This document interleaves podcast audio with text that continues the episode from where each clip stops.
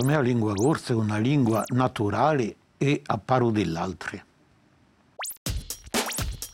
Quando è che voi avete imparato a parlare corso?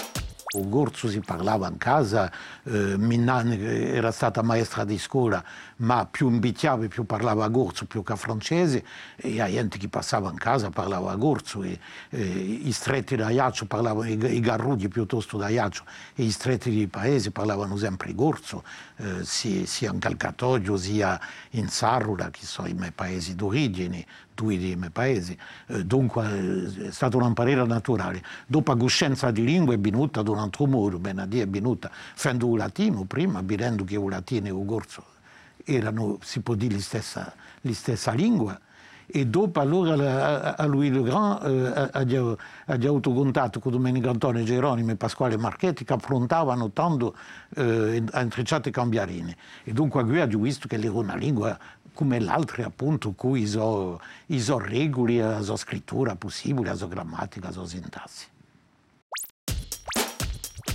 Quando la dublate a lingua corsa? Diciamo che ci sono i parzoni con li parlo mai a corso eh, certe volte mi dicono eh, un tel ha un accent corso très fort e una sua amica, perché l'ho sempre parlato corso, dunque l'accento corso un corso non si vede mica.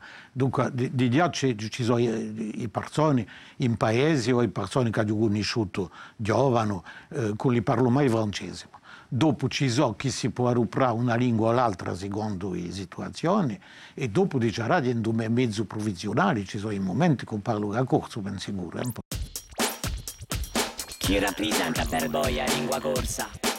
Di dire la sola lingua che i corsi abbiano creato da parelli, a parte da latino e da altre origini, ben sicuro. Ma è vero che il francese parliamo, ma eh, c'è stato portato eh, pronto all'estero, non l'abbiamo mica fatto noi. Eh, il corso corrispondia a i bisogni di gente che campava in Corsica e che a poco a poco l'ha costruito, che non mica tempo entra in diso particolari come lingua, ma sono interessanti assai.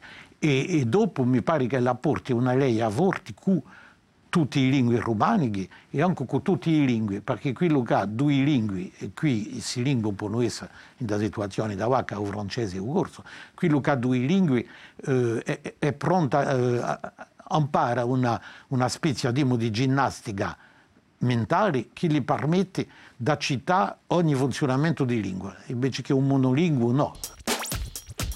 Come la bene di lingua corsa?